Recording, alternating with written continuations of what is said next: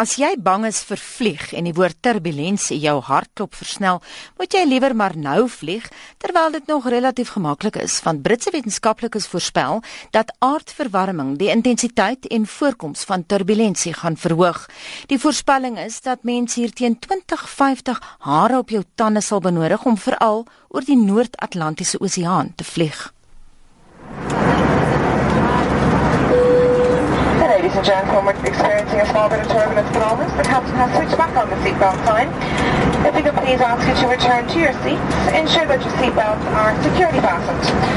If you're travelling with children, they must be securely strapped in now, and we'll ask you not to use the toilet at this time. Thank you. Reisigers is al gewoond aan die vermaaning deur kajuitpersoneel of vlieëniers. Dan volg die rukwinde en die geskit van die vliegtyg met die gepaardgaande benoude gesigsuitdrukkings van passasiers. Soms is die turbulensie so lig dat dit glad nie steur nie, maar partykeer is dit ongemaklik en die ongemak gaan met rasse skrede toeneem. So sê Dr Paul Williams, 'n meteoroloog van die Universiteit van Reading in Engeland.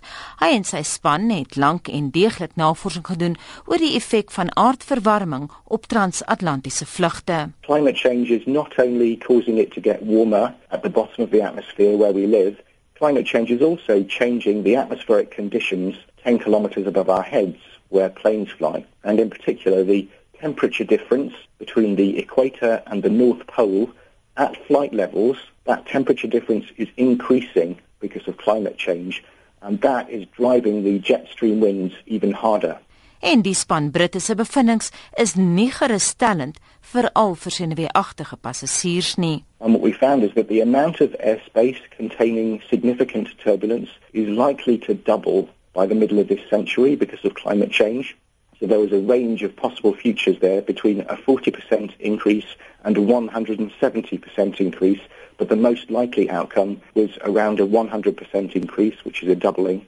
And we've also found that the average strength of the turbulence will increase by between 10 and 40%. Maar vir die wat skouer ophalend hierna luister en wonder hoe mens nou jy so iets kan bewys, Williams en sy kollegas se navorsing is statisties en akademies gesproke deeglik gefundeer. Wiskundige formules is gebruik om die verwagte windsterkte te meet en baie van die toetse is herhaal om enige wetenskaplike twyfel uit die weg te ruim. We took those simulations and calculated 21 different ways of estimating turbulence. And there are many different ways of estimating turbulence because our understanding of turbulence is not perfect. And so it's usual to calculate as many different estimates as you can to look for agreement between those estimates. In 20 vanuit die 21 rekenaar vooruitskouingsmodelle was dit eens turbulensie veral oor die Noord-Atlantiese Oseaan se lugruim gaan toeneem. It was a model developed by Princeton scientists and is regarded as one of the world's best models of the atmosphere. Daar is ook 'n baie goeie rede hoekom die studie oor turbulensie nou juis op die lugruim bo kan die Noord-Atlantiese Oseaan gefokus het.